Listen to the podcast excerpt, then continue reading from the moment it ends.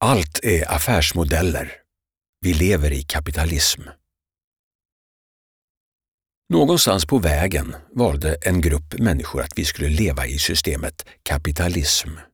Det betyder att allt i din omgivning drivs av en enda sak, att tjäna pengar. I denna strävan är många bolag villiga att göra precis allt för att skapa vinst till en liten skara aktieägare.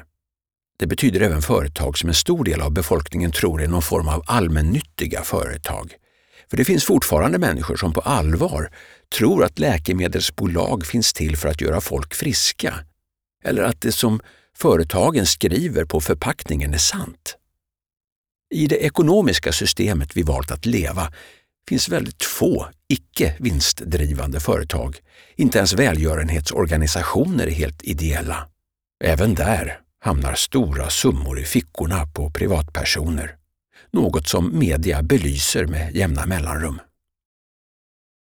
Bara för att du inte är helt bekväm med den samhällsutveckling du ser idag så betyder inte det att du är kommunist eller socialist. Inte alls. Det finns mellanvägar att gå. Och kapitalismen är, som vi ser det, till viss del nödvändig, men det finns möjlighet att förändra sättet man förhåller sig till den och det går att undvika vissa delar av det system som är byggt. För när bolagens vinster går före miljön, eller när det är människors liv som offras för att en produkt ska kunna säljas billigt, så har det gått för långt.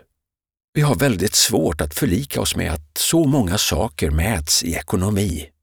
Vi tycker också att det är orimligt att den ständigt måste växa. Varför måste den det? Varför går ekonomin dåligt för att vi konsumerar mindre? Är det inte snarare ett sundhetstecken?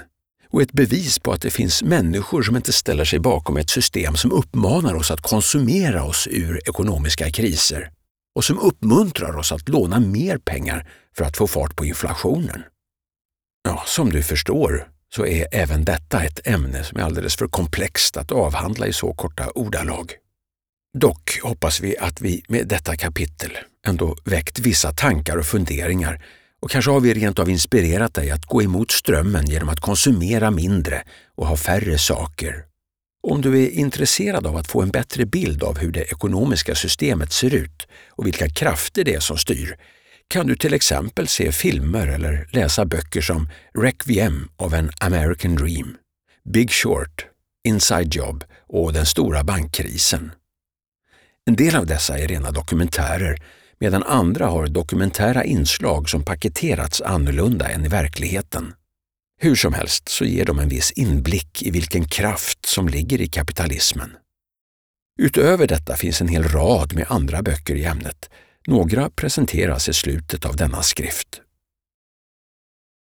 Titta dig nu omkring med de nya glasögon som du möjligtvis tagit på dig när du har läst detta kapitel. Ser du nu att allt handlar om affärsidéer, eller nästan allt? Ser du vad företagen gör för att få din uppmärksamhet och hur de vill påverka dig? Bra, för det betyder att din blick är klarare och att du inte är lika lättlurad, lättfångad och lättövertalad. Du kan välja till viss del medvetet istället för att bara dras med i det som programmerats in i ditt undermedvetna. Stort lycka till på din nya väg!